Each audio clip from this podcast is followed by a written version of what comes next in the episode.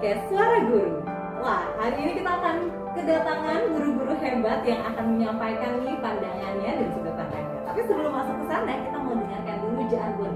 Kalau ada bilang ABC, silakan boleh bilang buka buku, buka dunia. Siap ya? Oke, Siap. siap. Kita mulai ABC. Buka buku, buka dunia. Adalah jendela dunia. Wow. Oleh karena itu kita akan membahas nih topik yang kayaknya keren banget ya Bapak Ibu guru ya hari ini ya. Hmm. Indonesia darurat sampah plastik. Nah hari ini saya Christine Natalia akan bertugas sebagai moderator nih. Kita kedatangan Mr. Arif Suryono. Selamat siang Pak Arif. Halo, selamat siang. Oke, datang juga nih bersama kita Mr. Nurul Hidayat. Silakan Pak. Hai semuanya. Oke, ada Miss Rina Priani. Selamat siang Miss. Halo semuanya. Oke, ngomong-ngomongin tentang plastik nih, pernah nggak sih em, menggunakan sampah plastik? Kalau Pak Nurul tuh biasanya sering? Saya nggak pernah menggunakan sampah plastik ya. Oh nggak pernah ya? Kalau kantong plastik? Nah, itu dia. Oke, eh, gini eh, kantong plastik saya selalu menggunakannya, selalu menggunakan. Nah, cuman sekarang belakangan ini repotnya eh, mencari kantong plastik ya, karena memang beberapa retail-retail seperti di eh, minimarket yang kecil yang retail itu sudah tidak ada lagi kantong plastik Oh. ya. Nah, kalau saya gunakan pernah saya gunakan justru saya gunakan lagi untuk membungkus sampah. Oh, untuk membungkus sampah itu Ya. penggunaan kantong plastiknya. Iya. Tapi sebelum lebih jauh nih plastik itu penggunaannya seperti apa? Mau tanya dulu nih ke Miss Ririn. Miss, kira-kira plastik itu apa sih biar nanti eh, orang-orang yang mendengarkan podcast ini bisa mengerti nih topik pembahasan kita? Plastik ya. Oke, kalau secara ilmiah mungkin ya boleh. Boleh, ya? silakan Boleh. nih. Kalau secara ilmiah plastik itu adalah suatu makromolekul yang dibentuk melalui proses polimerisasi sebenarnya Miss. Nah, kalau pasti bingung ya makromolekul apa, polimerisasi apa bingung kan? Nah, boleh kalau mau tahu lebih lanjut boleh nanti masuk di kelas kimia di Global Prestasi. Wah, luar biasa. Jadi Iya. lebih tahu ya tentang plastik itu Pak apa. Nurul sama Pak Nurul juga boleh loh ya. Iya. Ya, cuma mungkin kalau secara sederhananya sebenarnya kalau plastik itu boleh apa ya dijelaskan eh, suatu bahan sintetis gitu nih yang terbuat dari hidrokarbon, bisa dari minyak bumi, batu bara seperti itu nih. Oke, sama seperti Pak Nurul tadi. Kira-kira Miss Ririn pernah nggak sih menggunakan plastik? Plastik sering sih, kebetulan sama juga untuk bungkus sampah juga pernah gitu ya. Nah tapi gini juga sih Miss, agak bingung juga ya. Kalau tadi Pak Nur kan mengatakan kalau yang di sini kan sudah tidak ada ya Pak penggunaan plastik ya, misal kayak di salah satu supermarket di beberapa Minimarket supermarket, ya. eh, minimarket kan nggak ada gitu. Cuman kemarin waktu saya eh, pulang kampung, ya, kebetulan pernah pulang kampung, Daerah mana tuh daerah mana? daerah nggak usah disebut Pak, Ya biar tahu. Oh, gitu. iya, Jawa Jawa boleh. atau Kalimantan nih gitu di, ya? Daerah- di daerah Jawa itu masih masih masih Jawa Tengah pakai iya ya? Jawa Tengah itu masih pakai gitu jadi saya juga kaget gitu kan mau belanja saya udah siap-siap nih nggak bawa plastik bawa kantong belanja dari rumah gitu pas nyampe situ ternyata masih digunakan Berarti kebijakannya masih belum Semua ya. merata gitu ya, Miss? belum merata sepertinya di daerah Sumatera juga eh, sepertinya belum Oke, tadi ada yang bilang untuk buang sampah, ada yang bilang untuk uh, pergi ke minimarket gitu ya, uh, membawa belanjaannya. Kalau Pak Ono nih, kira-kira biasanya penggunaan kantong plastiknya buat apa nih Pak Ono? Oke, kalau saya sih ya sebenarnya hampir sama aja ya, Miss Lia ya. Biasa saya kalau gunakan plastik, kalau hmm, teman istri belanja ke pasar gitu, bawa-bawa ikan, bawa-bawa sayur ya, itu pasti butuh kantong plastik ya. Karena kalau dibawa pakai tangan susah. Hmm. Iya, Oh, gitu sih. Kalau hujan bisa pakai buat kepala. Iya bisa. Terus ini Bisa. kan?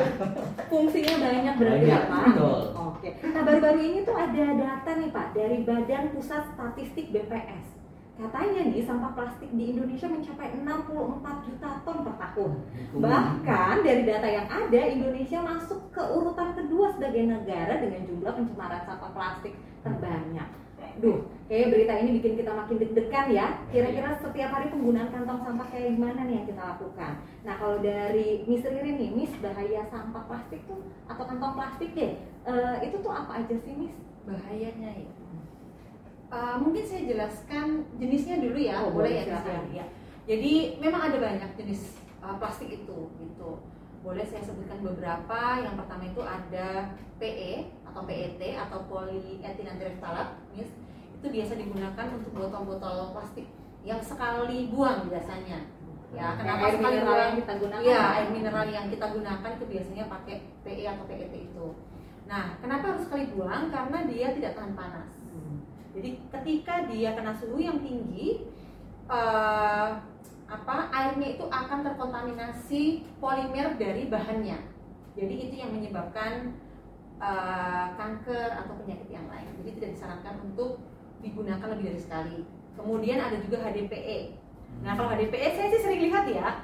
Kebetulan kan Kak, eh, dulu waktu belum pandemi saya sering sarapan sama beliau berdua. Wah. Nah, eh, mereka pakai salah biasanya mereka itu betul mis Mhm. dibetulin sama istrinya. Nah itu pakai bukan pakai plastik tapi pakai tempat yang bagus yang merek itu mis yang terkenal. Nah itu yang biasa mereka kalau mereka makan nasi goreng biasanya tempatnya itu ya yang tetit gitu Oh, ya yang yang terkenal yang biasa terkenal. kalau hilang eh, eh, istrinya marah-marah Yang biasa. nah itu termasuk HDPE nih. Bukan hanya istri, mertua. Oh iya. Bisa juga. Banyak perempuan ya. Suka marah-marah. Gitu Ya, ya. jadi itu HDPE dia tahan panas mis. Nah, makanya dia lebih sehat. Gitu. Kemudian ada LDPE juga. LDPE itu low density eh, polyethylene. Itu dia tidak tahan panas. Itu biasanya digunakan untuk eh, plastik untuk kantong belanja bisa. Kemudian sebenarnya ada banyak sih mis. Boleh saya sebutkan dua lagi yang pertama ada PVC. PVC itu bisa untuk pipa, pipa-pipa yang di rumah tangga itu loh Pak. Betul, ya. betul. Itu PVC.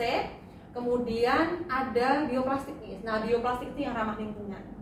Bioplastik itu ramah lingkungan bisa terbuat dari eh, jamur, kemudian dari tepung apa singkong dan lain sebagainya. Itu salah satunya ada NV Plus nih. Yang pernah saya eh, baca-baca ya, NV Plus itu bisa terurai dalam 3 sampai 6 bulan. Cuma nanti saya baca-baca lagi yang Miss apakah itu benar atau tidak. Kalau tadi jenis-jenis plastik yang mis banyak banget ternyata jenis-jenisnya. Tapi mungkin kita mau mengerucutkan eh, topik hari ini ke satu satu, jenis aja yaitu kantong plastik. Kalau tadi kita udah dengerin jenis-jenisnya, kalau dari Pak Nurul nih, kira-kira penggunaan sampah eh, sampah plastik di masyarakat tuh kira-kira seperti apa sih khususnya Oke. kantong plastik Baik, ya? baik. Eh, Bu moderator kita ya. Saya emang mengamatin ini, jadi kantong plastik itu bagi saya suatu hal yang memang unik. Uniknya apa? Jadi kayak kita tuh ada teori siklus. Pertama, kantong plastik sebagai solusi daripada kantong kertas. Hmm, jadi solusi ya Pak? Ya, karena kantong kertas itu kan membutuhkan banyak pohon untuk membuat kantong kertas di era Perang Dunia Kedua. Nah, gara-gara sering banyak eh, pohon yang dipotong, kemudian muncullah kantong plastik. Berarti kan ini dia awalnya solusi dong ya, Iya. ya awalnya solusi, Sebelum jadi masalah ternyata di jawaban ya dari Jawaban. sebelumnya ya. jawaban gitu kan. Nah, kemudian kantong plastik ini eh, mencapai puncaknya di masa itu setelah Perang Dunia Kedua. Kemudian kantong plastik menjadi masalah sekarang bahwa banyaknya kantong plastik, sampah plastik dan sejenisnya menjadi sampah di lautan. Nah, kemudian kita ingin menemukan bagaimana solusinya agar plastik ini dan kantong plastik itu tidak lagi menjadi masalah bagi dunia ini. Nah, ada empat hal yang harus kita tahu. Pertama adalah pengguna kantong plastik. Kedua adalah pelaku usaha yang memberikan kantong plastik. Ketiga adalah pemerintah yang mengatur kebijakan kantong plastik. Dan yang terakhir, ini juga nggak kalah pentingnya, pembuat pabrik kantong plastik. Wah, ternyata semua strategi itu harus kita perhatikan ya. Empat ini harus benar-benar fokus terhadap kantong plastik. Contoh, saya beli ke pasar tradisional, masih dapat kantong plastik Iya. ya. Oke, dapatlah kantong plastik. Ya kalau kitanya misalkan bawa trash bag gitu kan, eh bawa trash bag, bawa goodie bag gitu kan, bawa goodie bag yang bentuknya lebih cakep dari kain, ya mungkin eh, itu konsumennya atau pelak apa eh, orang yang menggunakan pengguna plastiknya, kantong plastiknya. Nah, berarti pelaku usaha yang dia memberikan juga harus tahu, oh ini nggak boleh nih harusnya. Nah, jadi kan baru dua nih. Belum lagi pemerintahnya juga harus menerapkan itu serius. Karena baru 20 sampai 30% di pasar tradisional. Kalau di pasar supermarket, minimarket yang kecil itu sekitar 90% Hmm. udah digunakan. Ya kita tahu udah pernah ke mana Salah kalau satu di minimarket dekat rumah saya ya di itu ya, Pak. Jabodetabek ya itu udah menggunakan karena ada pergubnya. Ya. Ya pergub dan perwali di beberapa kota ya digunakan. Kemudian nih gak kalah penting saya katakan industri atau pembuat kantong plastik dia juga harus gimana caranya wah ini nggak boleh nih gimana caranya menjadi mungkin kantong plastik ramah lingkungan. Wah, ini nih. Nah, kita kan tahu ya ada kantong plastik ramah lingkungan bahkan bisa menjadi pupuk. Ya. Nah, mungkin di situlah kita harus bekerja sama empat elemen itu. Oke, empat elemen di lingkungan masyarakat yang harus bersinergi nih untuk boleh Betul memecahkan nih. So, tadinya solusi nih, kita harus coba cari solusi lagi dari kantong plastik yang kita gunakan. Kalau tadi lebih ke masyarakat, kalau dari Pak Ono nih, ada nggak sih penggunaan kantong plastik ini yang dampaknya bisa berbahaya pada lingkungan? Oke, Miss. Mungkin ini dari apa yang saya tahu ya, Miss ya. Ya. Jadi masalah sampah ini kan eh, kembali lagi ke masalah hubungan kita terhadap alam sih, Miss ya. Betul, betul. Terhadap lingkungan kita. Kita tahu kita hidup tuh bukan cuman antar sama manusia, tapi kita butuh alam ya yang harus Hmm. kita jaga gitu kan. Nah, tadi seperti sampaikan Miss Ririn bahwa sampah itu kan untuk menguraikannya itu butuh waktu yang lama ya karena dia dari apa hidrokarbon gitu kan ya. Eh, otomatis ya mau nggak mau kita harus punya usaha usaha ya usaha bagaimana caranya supaya sampah itu bisa dikurangi. Nah berbicara mengenai masalah sampah tuh dulu pernah ada satu peristiwa nih mis jadi di salah satu tempat pembuangan akhir sampah tuh namanya Lewi Gajah ya itu di Jawa Barat itu ada dua kampung sampai hilang mis Wah, itu gara-gara apa ya? gara-gara meledak sampahnya itu meledak sampahnya meledak terus kebetulan kampung itu ada di bawah posisinya di bawah posisi tempat pembuangan sampah itu Itu kayak model TPA gitu pak? Iya, TPA gitu terus sampahnya meledak, kebe- kebetulan sampahnya sudah tertimbun tanah. Jadi bikin longsor gitu, Miss. Oh. Nah, gitu. Jadi itu sampai dua desa itu sampai hilang. Itu semenjak itu baru ada namanya peringatan Hari Peduli Sampah gitu. Oh, jadi hari peduli Iya, sampah itu dari situ ada pokoknya ya Pak, ada kejadian itu ya. Betul, Miss. Itu ya dasarnya gitu. Nah, kembali lagi menyikapi mengenai masalah sampah nih. Eh, sebenarnya masalah yang ada di lingkungan hidup ini sebenarnya lebih kepada kalau menurut saya ya, lebih kepada ya cara kita beretika sama lingkungan gitu ya. Ya, eh, bagaimana eh, kita hidup di lingkungan ya kita harus bisa punya etika. Ya etika kan berarti kan berkaitan sama nilai dan norma gitu ya. Kalau misalnya kita semua udah bisa menganggap bahwa eh, kita peduli sama sampah dalam bentuk tadi apa mengurangi kantong plastik misalnya kan ya berarti itu udah menunjukkan eh, bahwa kita tuh ya orang yang yang beretika gitu jadi menjadi suatu kebanggaan gitu ketika kita bisa mengurangi sampah plastik itu menurut saya bisa menjadi satu apa ya eh, pemikiran yang apa ya cukup efektif lah untuk mengurangi sampah plastik. Mengurangi Gitu. sampah plastik untuk hari ini ternyata bisa bermanfaat untuk masa depan Betul, gitu betul, ya Pak. Mas. Ya. Wah, tindak nyata berarti ini. Ya. Nah, kalau misalnya tadi kita ngomongin tentang bahaya, resiko di masyarakat, resiko di lingkungan. Nah, kira-kira apa sih yang bisa jadi solusi nih dari em, membatasi kantong plastik atau bahkan sampah plastik nih yang ada di Indonesia dulu ya? Hmm. Silakan nih, Miss Ririn dulu nih. Kira-kira solusinya apa Oke. ya? Kalau dari saya eh, supaya tidak menjadi sampah yang sulit terurai, Hmm? eh, pemerintah harus apa ya? Harus mungkin dengan menggelontorkan dana juga bagaimana caranya supaya plastik yang digunakan itu bisa terurai dalam waktu yang singkat nih, atau mungkin malah boleh eh, bisa didaur ulang untuk hal-hal yang lebih berguna. Jadi tidak ada penimbunan sampah, kemudian tidak ada apa ya sampah-sampah plastik di tanah. Kalau soalnya kalau di, di kampung saya itu tidak ada TPA itu tidak ada mis. Jadi kami tuh bikin bikin apa ya tempat sampah itu ya? bikin tempat sampah itu dari tanahnya itu sendiri. Jadi dicampur sampai berapa meter ke dalam nanti di situ. Nah kalau udah penuh ditimbun. Nah nanti kalau sudah eh, penuh ganti tempat lain. Tapi ketika kita mau menggunakan tanah itu lagi kan plastik-plastiknya masih ada di situ gitu. Nah, itu bagaimana caranya supaya ketika nanti digunakan lagi tanahnya itu sudah tidak ada sampahnya gitu. Karena kan kalau bahan-bahan yang alami sudah pasti terurai, cuma tinggal sampah gitu atau mengurangi yang apa sampah-sampah plastik yang bisa mengganggu biota laut gitu. Jadi alangkah baiknya kalau plastik Ada yang digunakan itu iya, pemerintah ada, ya, Miss? iya ada kerjasama dengan pemerintah bagaimana caranya supaya plastik yang diproduksi itu ramah lingkungan. Oke, kalau ini tadi ngomongin tentang ramah lingkungan, baik balik lagi ke lingkungan nih dari Pak Ono. Kira-kira gimana nih Pak untuk so- solusi dari sampah plastik ini? Jadi sampah penggunaan kantong plastik ya misalnya. Betul. Kalau menurut saya sih eh, sekarang kan sedang booming itu apa ya media sosial ya. Wah, Ya, jadi menurut saya sih peran-peran aktivis media sosial nih, influencer gitu influencer ya gitu ya harus ya. mengkampanyekan dan menganggap bahwa ini adalah sebuah lifestyle yang keren gitu. Oke. Lifestyle yang keren kalau kita bisa jaga lingkungan kita, kita kurangi sampah plastik itu menurut saya jadi salah satu yang cukup efektif ya. seperti itu Karena Nah, followers itu Iya, mengikuti betul. eh, Nah. panutannya ya Pak idolanya. betul karena Hmm. netizen itu cepat nih kalau Wah, iya, menerima informasi. Iya. itu sih mas menurut saya mis gitu Jadi influencer ya silakan Iya. boleh bergerak kita sama-sama eh, kumandangkan ini kampanye anti sampah, anti kantong plastik gitu ya. Iya. Oke, terima kasih Pak Ono. Kalau misalnya Pak eh, Nurul nih, kira-kira gimana nih Pak? Oke, eh, saya pengen berbeda dari mereka ya. oke Berarti tampil beda ya Pak? Iya. Silakan. Karena tadi sosial media udah diambil. Iya udah geografi ya Oke, itu tapi nggak apa-apa ya, kita eh, bebas ya. Cuma kalau bagi saya, eh, saya lebih bahkan lebih ke teknik ya. Hmm. Eh, menurut Miss Riri, plastik atau kantong plastik itu bisa hilang nggak?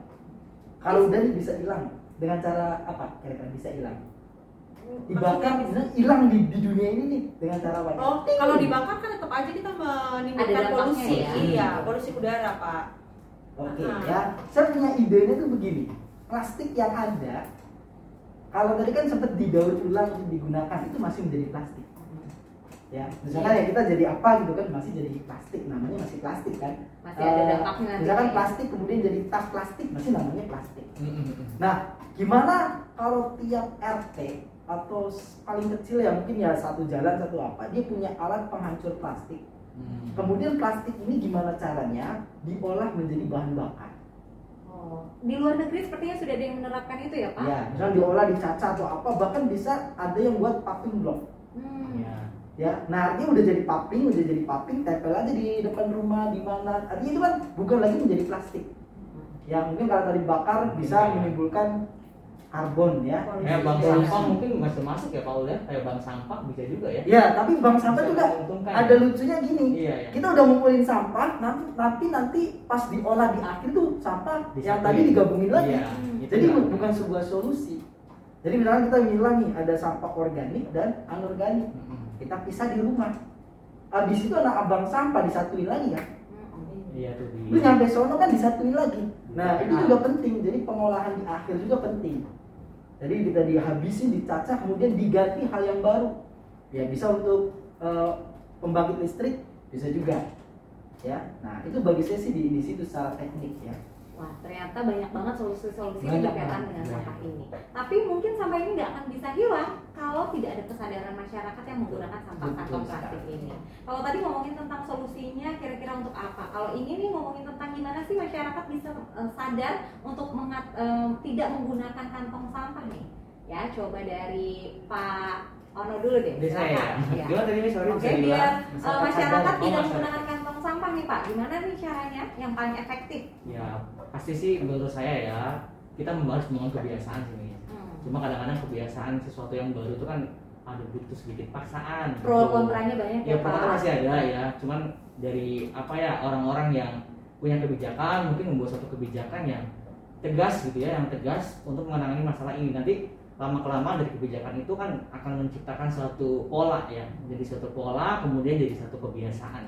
Kalau udah tercipta kebiasaan menurut saya menjadi satu eh, apa ya, ya solusinya gitu solusinya. Kalau kalau cuma ngandelin pemerintah aja nggak akan selesai.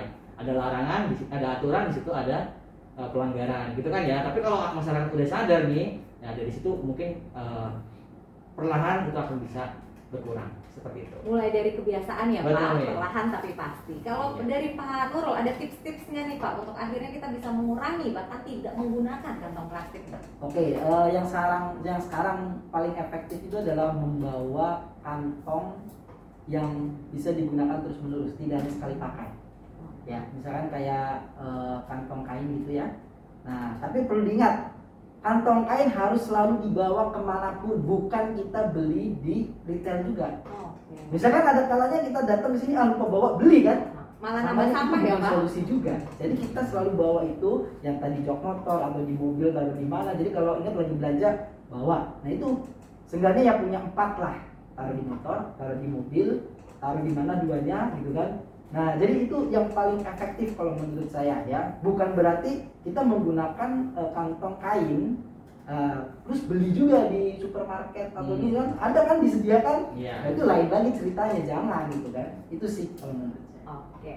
Terima kasih nih Pak Nurul. Kalau dari Miss Riri nih tipsnya apa nih? Oke, mungkin saya menanggapi dulu yang dari Pak Nurul. Saya tuh Hmm. pernah lihat berita nih, tapi saya lupa di uh, channel TV apa. jadi eh, ada juga waktu itu yang salah satu salah satu supermarket yang menerapkan itu Pak Nurul. Suruh beli maksudnya? Eh, iya mereka suruh beli. Mereka suruh beli tetapi itu dikemas dengan apik gitu mis jadi itu ada ada bentuk gantungan kunci terus ada pokoknya ada macam-macam mis nah itu kalau dibuka itu itu jadinya eh, tempat untuk meletakkan barang pengganti Nah, kantong iya, ya. tapi sayangnya kalau yang saya lihat juga tidak terjangkau karena harganya sekitar 36 sampai 39 ribu. Wow. Hmm. Iya, tapi memang bagus banget sih Miss, bisa buat eh, bisa buat apa-apa gitu. Cuman ya mungkin terlalu mahal gitu ya. Jadi sepertinya itu mung- eh, pernah juga Pak, pernah juga di salah satu supermarket terkenal kok saya pernah. Maksudnya di sini pun ada gitu supermarketnya, cuman sepertinya nggak jalan karena harganya terlalu mahal untuk saya. Kebijakannya salah satu yang tidak menguntungkan Iya, dari harga ya. Iya dari harga lah. Sekarang kalau misal kita cuma beli sabun harganya berapa sepuluh ribu misal, sama Beli tempatnya iya, kan? tempatnya tiga puluh delapan, Iya. tiga puluh sembilan ribu kan nggak worth it banget gitu kan. Eh, saya kira sih itu. Jadi mungkin nanti Iya. boleh lah gimana caranya supaya dari segi harga juga masuk ya Pak ya, Harusnya dan harga. bisa hmm, dari segi bentuk. Kalau Oke. dari Istri Ren sendiri gimana nih? Kalau dari saya sih eh, sebenarnya sih sama- hampir sama dengan Pak Ono dengan Pak Ul ya Miss ya dan eh, lebih ke habit sih sebenarnya dan alangkah baiknya kalau mungkin di sekolah-sekolah juga eh, apa ada pendidikan sejak dini gitu Miss. Betul, Nah, pendidikan sejak ada dini. pendidikan Itu sejak penting dini tentang banget bahaya ya. plastik mungkin dengan menayangkan video-video yang tadi mungkin yang di mana lebih panjang atau mana Iya. itu kan kalau anak-anak ngelihat itu kan kayaknya ngeri banget ya Miss ya itu karena apa sih karena ini loh cuman gara-gara sebenarnya gara-gara plastik gitu nah kan pasti di memori dia akan teringat teringat ya nanti mungkin eh, itu di usia TK atau SD SD kelas 1 mungkin nanti di atasnya mungkin yang video yang lebih lebih lebih apa lebih bagus lagi sesuai dengan perkembangan eh, mental mereka gitu itu sih Miss kalau dari saya Wah, bagus banget nih. Kalau tadi kita udah ngomongin tentang kantong sampah, kita ngomongin tentang dampaknya masyarakat, lingkungan, bahkan da- tadi kita sudah dapat penjelasan pengertian sampah ya. Nah, kira-kira satu penutup nih terkait dengan quotes apa sih yang bisa diingat ya oleh orang-orang yang mendengarkan podcast ini? Apa ya? ya? Coba dulu.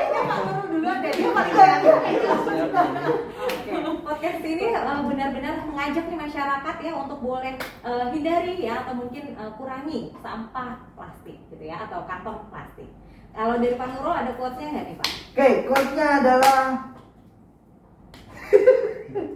Saya mulai dari saya dulu kan. Oh iya boleh lah. Iya, iya. Ya, saya mulai dari saya dulu. Nah, yang paling saya ingat quotes-nya adalah jadilah bagian dari solusi, bukan bagian dari polusi gitu ya. Jadi Wah, pastikan kita keren adalah banget. salah satu penggerak nih ya solusi Iya, iya. ya, bukan uh, mencari polusi gitu ya. Salah satunya jadi ngomong. Silakan Pak Nurul. Jadilah agen perubahan. Betul. Jadilah agen perubahan untuk mengurangi sampah. Jangan jadi masyarakat yang sampah. Sosiologis Oh. banget.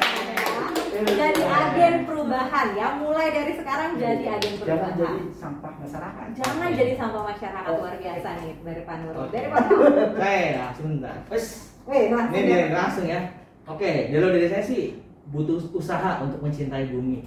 Salah satunya dengan mengurangi kantong sampah. luar biasa peneliti muda kita ya Iya. oke usaha ya dari sekarang kita mulai berusaha oke kalau dari istri nih saya mau cari dari gimana cuma susah banget ya. Iya. kalau saya sih uh, quote-nya lingkungan asri tanpa penggunaan sampah eh, plastik.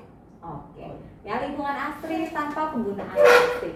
Nah eh, satu sampah yang kau buang ke tempatnya akan menyelamatkan seluruh alam semesta. Jadi mulai dari sekarang yuk, setiap orang yang mendengarkan podcast ini kita sama-sama kurangi penggunaan sampah, pengguna, kurangi penggunaan kantong plastik dan sama-sama cintai lingkungan kita. Nah kita akan akhiri hari ini ya dengan penutup penutupnya itu langsung kita dengarkan suara nih dari salah satu band ternama nih, Slang ya yang ngomongin Wah, tentang iya. solidaritas. Wah, Yuk, bagus ya. kita akan tutup hari ini. Terima kasih sudah menyimak podcast dan silakan menikmati solidaritas. Bye. Bye. Ah.